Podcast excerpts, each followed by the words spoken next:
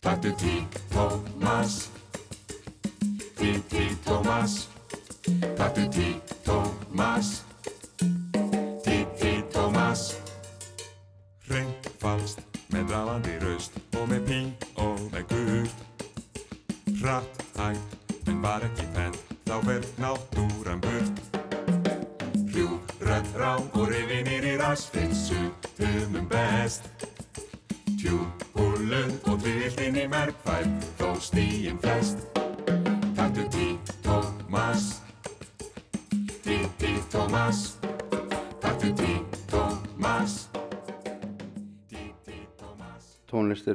getur verið starf en svo getur hún verið bara sjálft viðmiðið í lífinu. Hún getur verið það að því leiti að, að það er ekki eitthvað sem þú kannski vaknar til á mótnana og hættir klukkan 5 heldur um vefur hún allt þitt líf einhvern veginn þannig. Já, svolítið eins og skáldskapur. já. Um, í kristni aldundur jöklu segir sá maður sem lifir ekki skáldskap lifir ekki af hér á jörðunni segir Jón Prímus.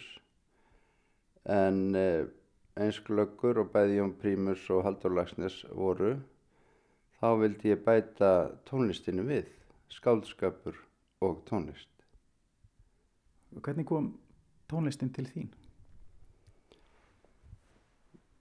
Sennilega hefur það gerst þannig að uh, svona eitt af fyrsta sem ég heyri af lifandi flutningi tónlistar það voru haldinn uh, héraðsmót heima hjá mér þar sem ég ólst upp vestur á laugum í Dalasíslu uh, þar var sundlaug og uh, Einu sinni ári á s- um mitt sömar var laugin tæmd, settir trjápallar þar í og síðan haldinn þar dansleikur eftir að keppni hafi farið fram í ýmsum íþróttagreinum um daginn, niður á Eyrum, niður við Ána. Og uh, mamma hafði það orði að uh, í allri þeirri gestaþröng sem var heima hjá mér laugum þegar þetta var, húsið okkar var á, við hliðan á sundlauginni, þannig að þar var tróðið allan daginn. Þá hefðum geta gengið að mér vísum við hliðin á harmonikuleikaranum og trommarunum sem að stóðu út á sundlugarbakkanum þar bara stóð ég og horfði og hlustaði. Og þetta ég er þarna tveikja, þryggja, fjögra, fimm. Það var sem sagt þar var ég að horfa á hljónsveitina og hlusta. Og þá má ekki glemma því að eh, stundum voru haldin þarna svona jólaskemmtanir á laugum og í einhverjum tilveikum mann ég eftir að einn aðal harmonikuleikar í síslunar Haldur Þórðarsson á Breiðabólstað hann kom með harmonikuna og spilaði undir. Það er nokkuð örugt að það var harmonika sem ég sá fyrst af öllum hljóðfærum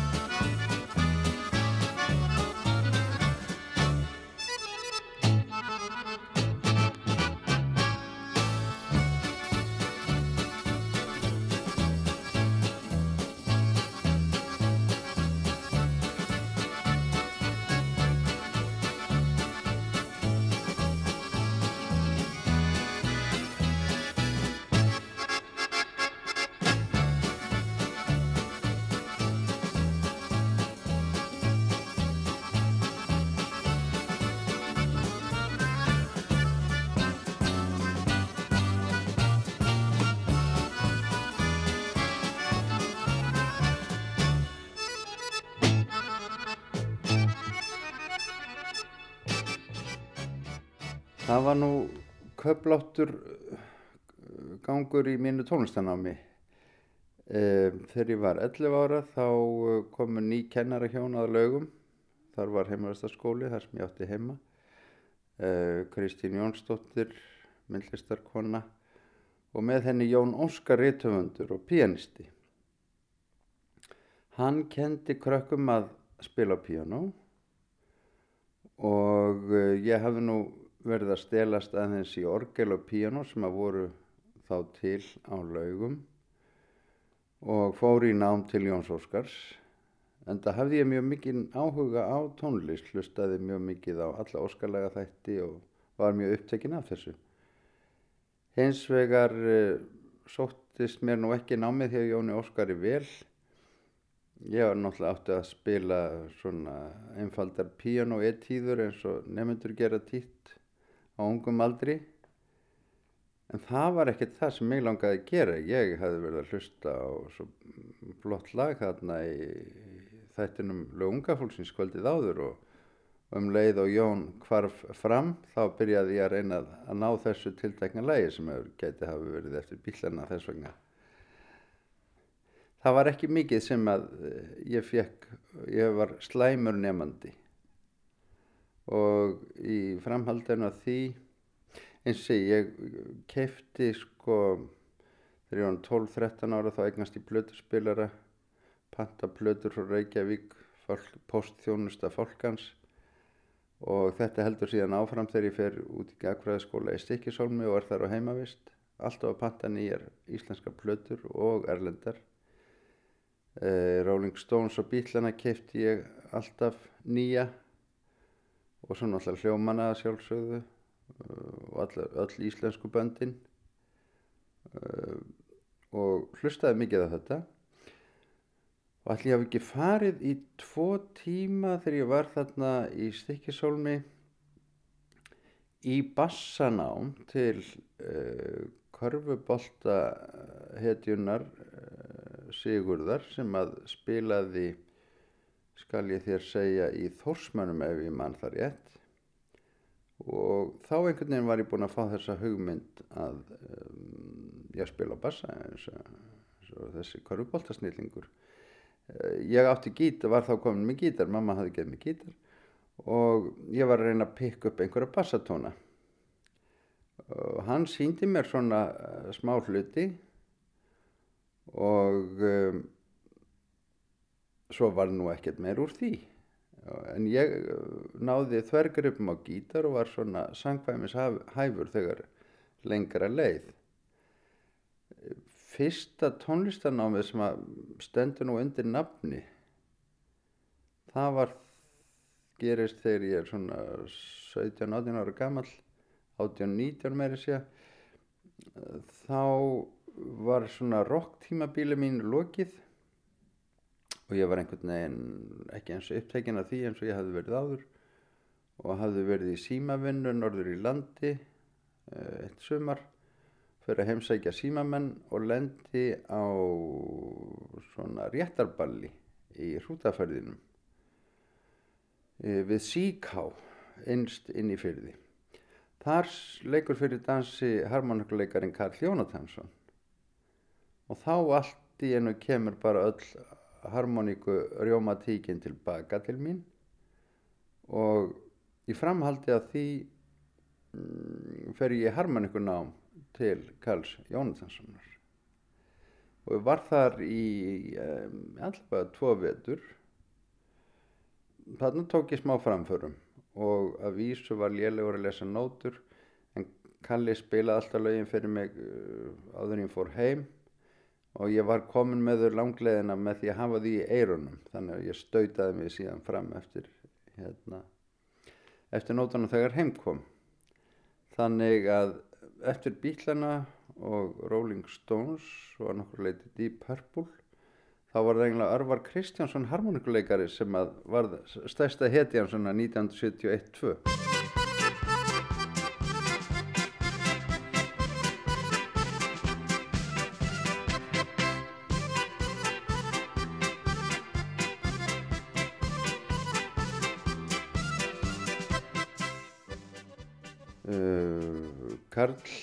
Jónatansson rak líka sko umbóðsskrifstofu og hann var byrjaður að senda mig í að í spilamennsku út í bæ bara tveimur mánuðum eftir að ég byrjaði hjá honum.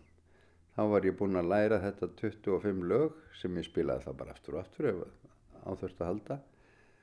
Og uh, hann er með svona um, hann var ekki kröfuharður umbóðsmaður, hann tók 10% sem var nú algjörð lágmark og ég spilaði ímsum enga sangfæm á mentaskóla árum.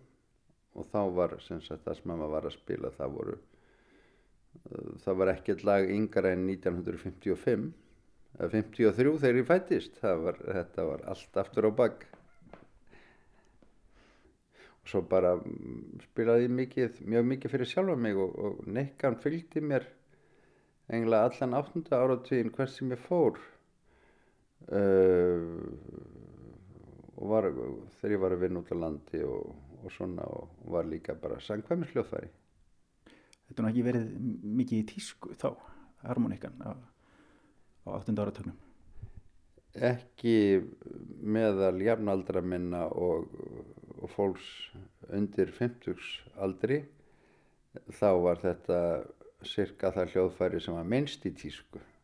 Ég hef alltaf einhvern veginn eftir á að higgja kannski oftar en ekki verið aldrei á skjön við þessa frægu tísku. Rauninni síðan bara mínu rocktímabili laug upp úr fermingu þegar ég var búin að, að taka það allt saman inn.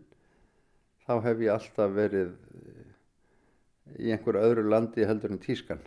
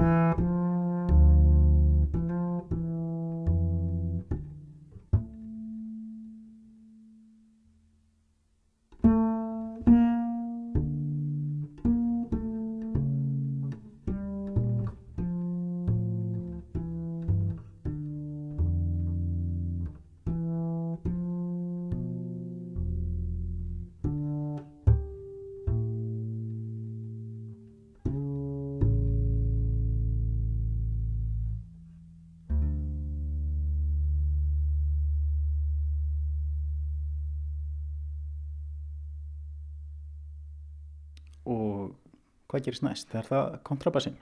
Já, og þá fann ég annað sem var nú ekki hægt að kalla beinleinis heimilis gljóðfæri á þeim árum.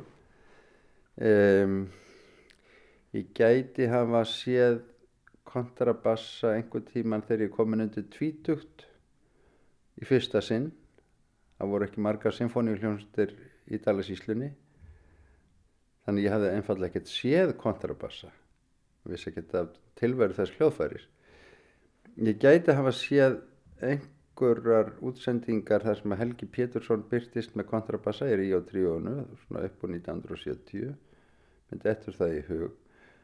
Þá man ég eftir að hafa farið á eina tónleika með spilverki Þjóðana 1974-5 það sem ég sá Egil Ólason á kontrabassa.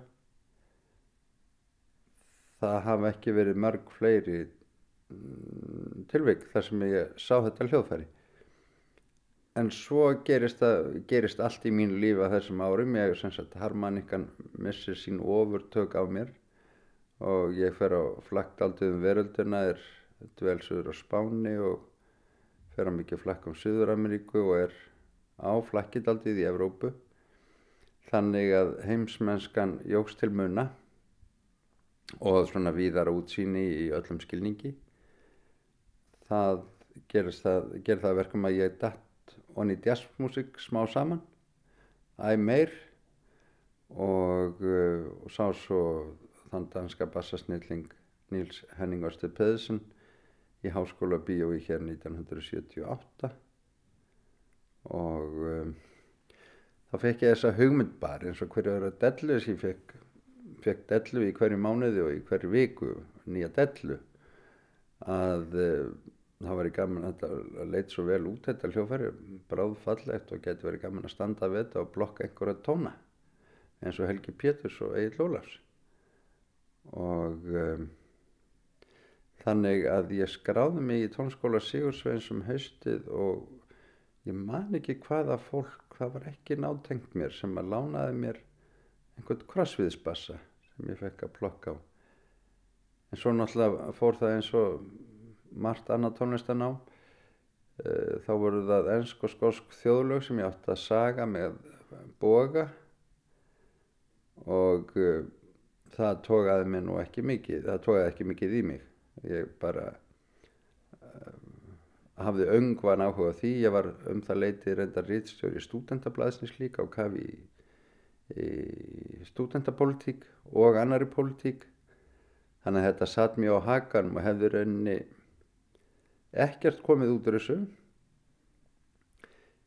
Hugsa ég þótt ég væri á kafi í jazzmusíkinni komin eh, ef ég hefði ekki farið árið eftir til Noregs og æskufélagin minn vestan og dölum, Sigurbjörn var búin að vera allar í námi nokkur ár.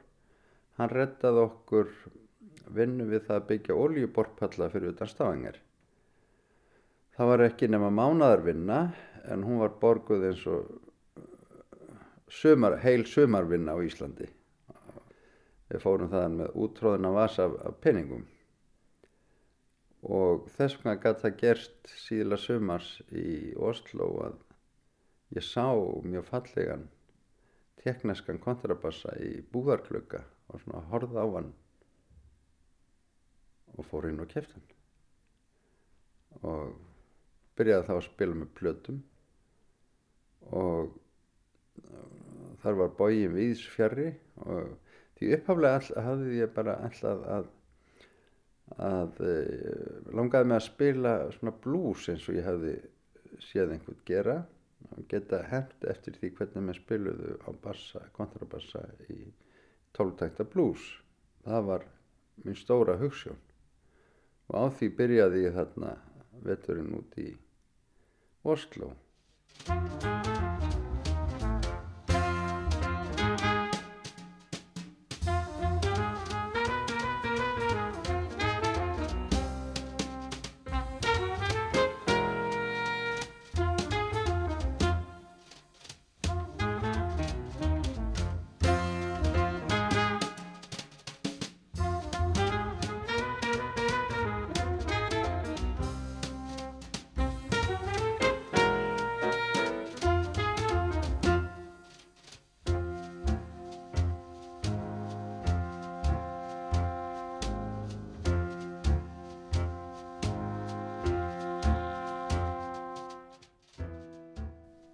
sem sagt bara um, tók lífið mig í óvæntar áttir.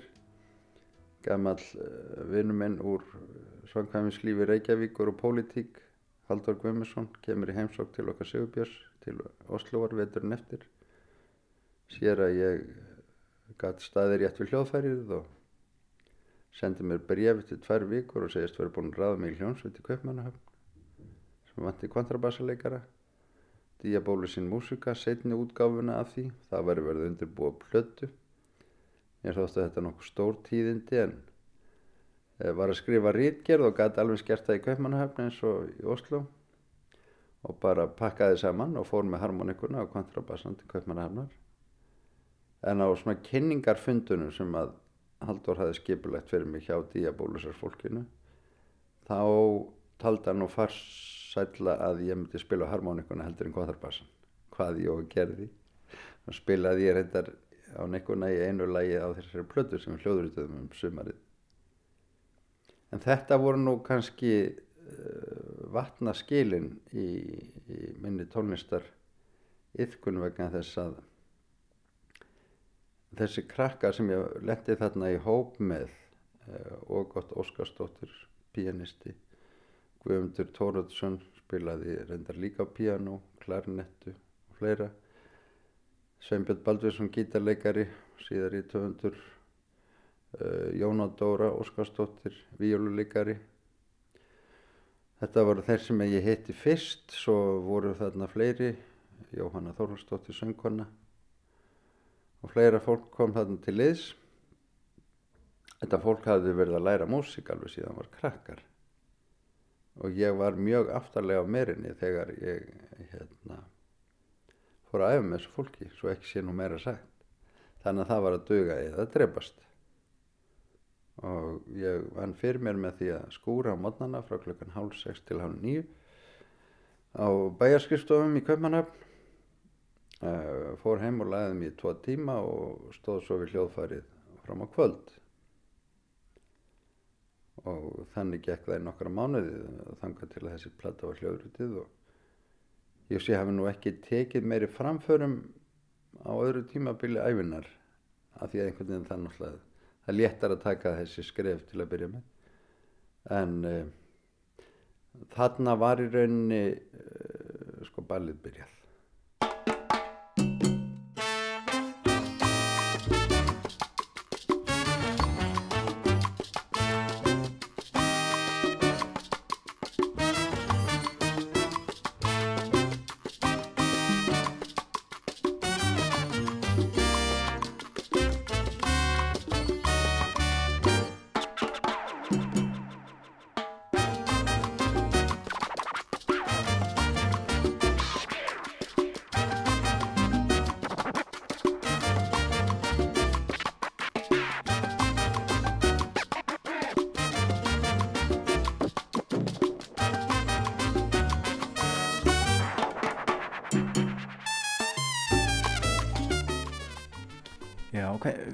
samskiptin við kontrabassan?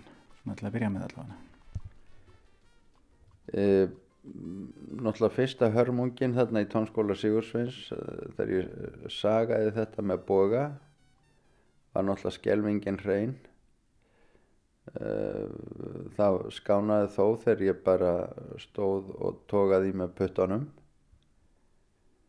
uh, ég grætti þó eftir á að higgja og grætti ég nú svolítið á því að vera þarna að sarga í tónskóla Sigursveins því að þá vissi ég svona mm, hvar ég átti helst að setja puttana uh, sko, á vinstri hendi. Ég kom ekki alveg grætna því máli sko. uh, en náttúrulega kontrabassin er ekki létt hljóðfæri og það sem var náttúrulega ólíkt uh, því sem ég þekkti áður með harmonikuna. Þar byrja maður strax að spila laglínur en það er svona rétt um það byrja núna sem maður byrjaður að, að, hérna, að fást við laglínur eftir 35 ára á kontrabassan. En eh, það var eitthvað sem að drómi að honum ekki bara þessi ytri fegur hljóðfæri síns heldur líka uh, var ég búinn að heyra sem sagt þennan svo kallega gangandi bassa sem að týðkaðist í svingtónlistinu og þess vegna bebopinu og, lengi áfram. Þegar það eru sem sagt bassin lappar og spilar svona uh, gefur hrinin og, og hljómin undir uh, eitthvað í líkingu við þetta. Dam-be-dom bom bom bom bom bom. Endalust bom bom bom. Og þetta fannst mér mjög heillandi og, og þess vegna byrjaði ég að, að fást við þetta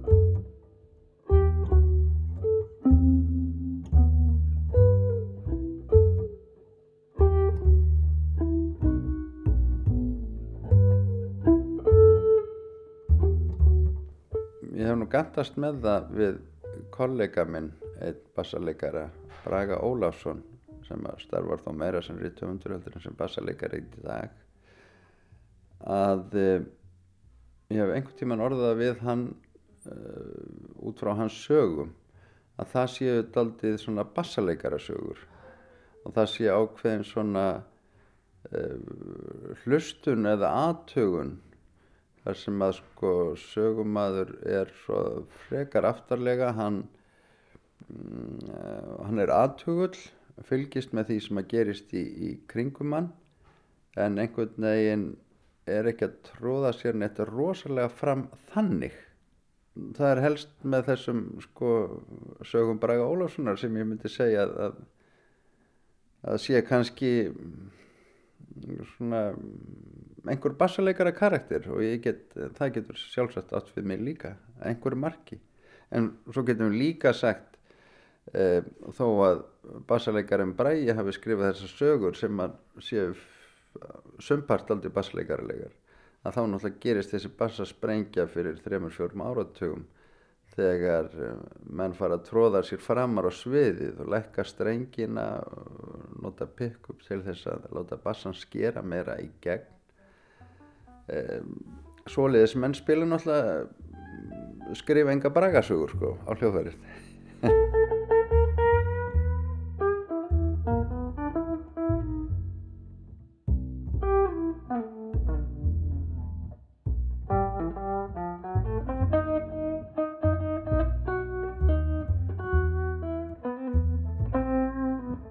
þótt ég hefði raun aldrei í mínu lífi velti fyrir mér hvað ég ætlaði að gera þegar ég er stór. Það er einhvern veginn, ég hafði bara ekki áhyggjur af því.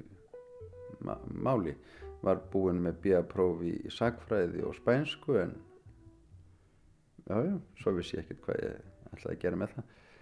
En svo ákveði ég að fara semst í ársnám til, til Kaupmannahafnar í frekari bassanám og ljúka þar með svona klassísku bassanámi og uh, Níls Henning var uh, Östuð Peðsson var hér tíður gestur á þessum árum.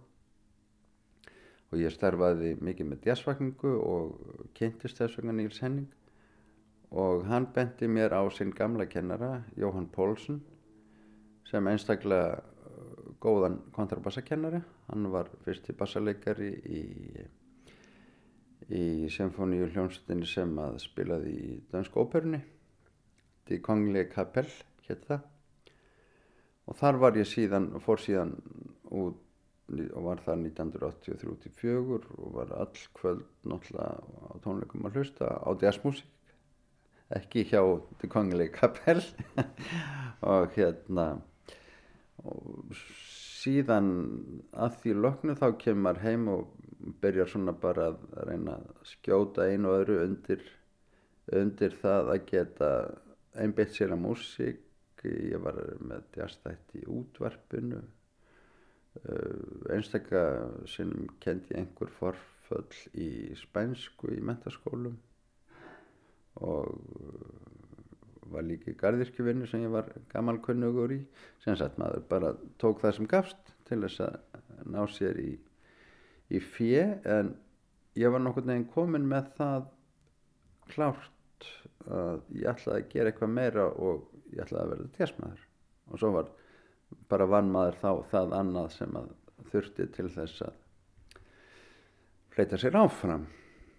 Og um þetta leiti þá er ég þau svona tímamóta þá er ég fann í meira alvöru að að búa til tónlist piano fyrst og fremst.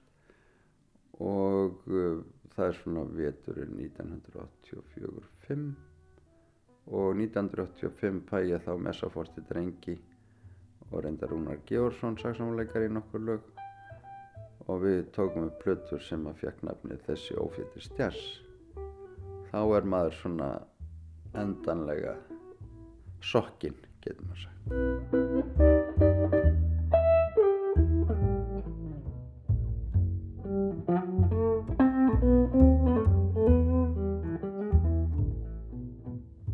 tíman spurði ég hérna Jón Múla Árnason að þessu hvernig hann hefði farið að búa til lög hvernig það hefur henni gerst.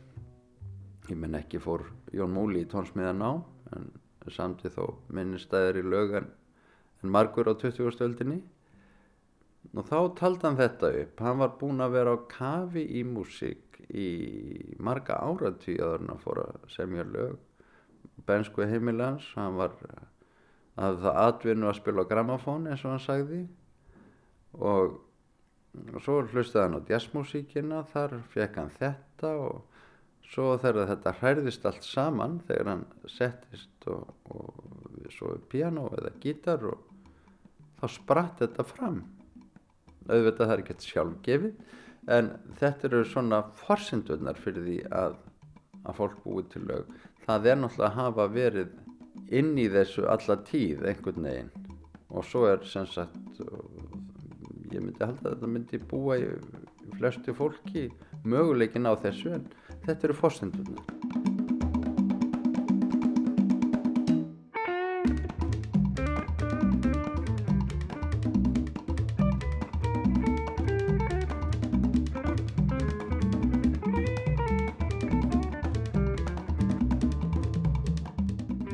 Já, það eru, það er sennilega 45-50 ár síðan ég byrjaði fyrst að hugsa um þessa eigu í Karibahafinu, Kúbu og helgaðist það á því að, að ég var svo pólitískur unglingur.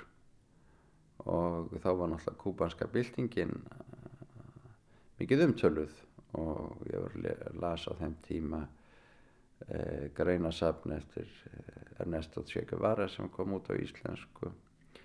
Framhald að því fekk ég sendt frá Kúbu Granma málga kommunistaflokksins um, sem ég stautaði mig fram úr, það var á ennsku það var svona fyrsta tengingi við þetta land. Síðan uh, uh, mingar minn pólitíski áhugi allavega á Karibahefinu var þó ennþá til staðar þegar ég fór á langtferðalega um allar ómennsku Ameríku síðar. En svo liggur þetta í dvala eftir ég tók jazzveikina miklu svona undir 1980 þá, þá hugsa ég ekkert óskaplega mikið um, um kúpu og hafður henni aldrei komist mikið inn í músíkin eða ekkert velt fyrir mér sérstaklega tónlist á kúpu svo gerist það nú upp úr 1990 þegar ég er búin að vera sokkin og ný hefðbundna jazztónlist um tíma að uh, ég svona heyra mönnum, ég vissa mönnum eins og Tito Puente uh, slagversleikar og hljómsdastjóra í New York sem er að vísu ekki kúbani en tilheyrir þessum latintónlistar heimi. Vissa Tito Puente og kefti mér í Paris 1991 svona plötu með Tito Puente og já, þetta var náttúrulega skemmtilegt og þetta er svona tikkar áfram næstu árin og ég er nú farin að hitta daldi fyrir þessu, ekkert byrjaði að spila þetta í, í, eða kynna mér það þannig. Uh, en það er svona orðið nokkuð mikið og það er eiginlega tilbúið að springa út þegar svo búin að vista fyrir bærið kemur til og er að byrja. Það voru bæðið þessi náttúrulega frábæru menn Rúvin Gonzáles og og síðan Íbrahim Ferrer og, og margir fleiri og þá einhvern veginn bara sá maður að þetta var málið sko. þá var ég reyndar að bara þessi músík höfðaði svo stert til mín og líka eh, hvernig sá maður til að mynda sem þekktastur hefur verið af öllum kúbanskum bassaleikurum Katsjá eh, hvernig hann hugsaði sína bassalínar og hvernig bassaleikurinn í kúbanskum músikinni var. Hann var bæði forvöldlegur, tóldi öðruvísi spennandi og um, þannig að þetta tekur aldrei mikið yfir hjá mér uh, svona 1996, 7, 8, 9 og ég er svona færist æg meira færist æg meira yfir á, yfir á þetta hlusta á þetta og, og fór síðan fyrst til Havan árið 2000 og þá pompaði maður onni latintónlistin á saman máta og jazzin áður. Bara hlusta á allar þessar hljónsveitir allar þessi dásamlega lög og, og bara guðdómlega músík heim sem ég fann í, í Havana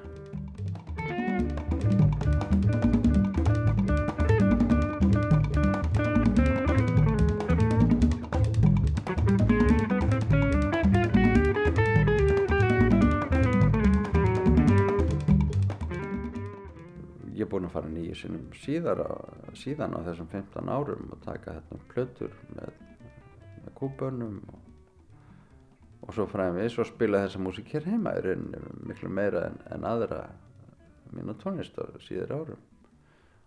Og það er ef að gera þetta einfalt þá getum við sagt að ég hafi einhvern veginn upplifað í þessari kúbönsku músík einhverja þá lífsgleði sem að hafi heillað mig og tókað mig til sín ekki ósvipað og ég hafi fundið í jazzinum 20-25 árum fyrr.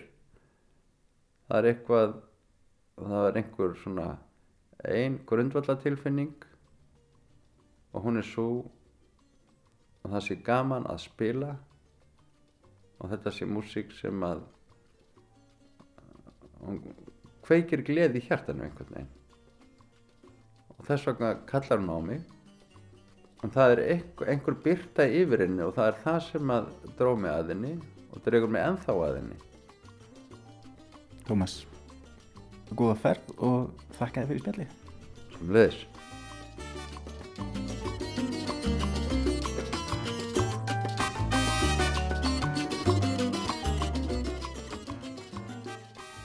Þáttur þessi hófst á læginu T-Thomas eftir Tómas R. Einarsson. Flytjendur voru Þorvaldur Þorvaldsson og Kristjana Stefansdóttir. Tómas leik sjálfur á bassa, Agnar Már Magnússon á piano og Mattias Hemstokk á slagverk. Þá tók við Dansað á strætinu eftir Bóman í flutningi Örvas Kristjánssonar á harmoníku. Gunnar Tryggvason á gítar og Július Fossberg á trommur. Þetta lag var gefið út af tónaútgáfunni árið 1972. Þá mátti heyra Jalousie með Erik Búvel og svo hljómaði lagið Taugaveiklaður, Trilltur, Tættur og Berað ofan eftir Tómas leikið af stórsveitinni Jaguar. Bændalægið hljómaði einni í þættinum. Það er samið og flutt af Tómasi og með honum spilar Ómar Guðjónsson gítarleikari. Einni mátti heyra brot úr læginu Hallbjörn í Havana eftir Tómas. Tómas spilaði sjálfur á kontrabassa, Eithor Gunnarsson á piano og slagverk, Hilmar Jensson á gítar, Mattias Hemstokk á trommur, Pétur Gretarsson á slagverk, Hjartan Hákonarsson á trompet og Samuel Jóð Samuelsson á básónu. Og hér undir lokin hljóma svo brot úr læginu Einegði kötturinn. Flytjendur í því lagi eru Tómas Einarsson á kontrabassa, Samuel J. Samuelsson á básúnu, Hjartan Hákonarsson á trompet, Daniel L. Gordo Ramos á trompet, Óskar Guðjónsson, tenor og baritónsaxofón, Ómar Guðjónsson, tólstrengja gítar og rafgítar, Cesar Echevarria, tresgítar, Osvaldo Perigo á piano, Mattias Hemstokk á trommur, Pétur Gretarsson á bongotrommur og kongur, út úr trommu líka, Jorge Luis Reyes á gíró og maracas hristur, Alvin González á timbales og klaves, Jorge Jeramis Silego á kongur og bongotrómur og Gísli Galdur Þorgersson sá um skífuskang. Tæknimaður í þættinum var Einar Sigurðsson, lifið heil.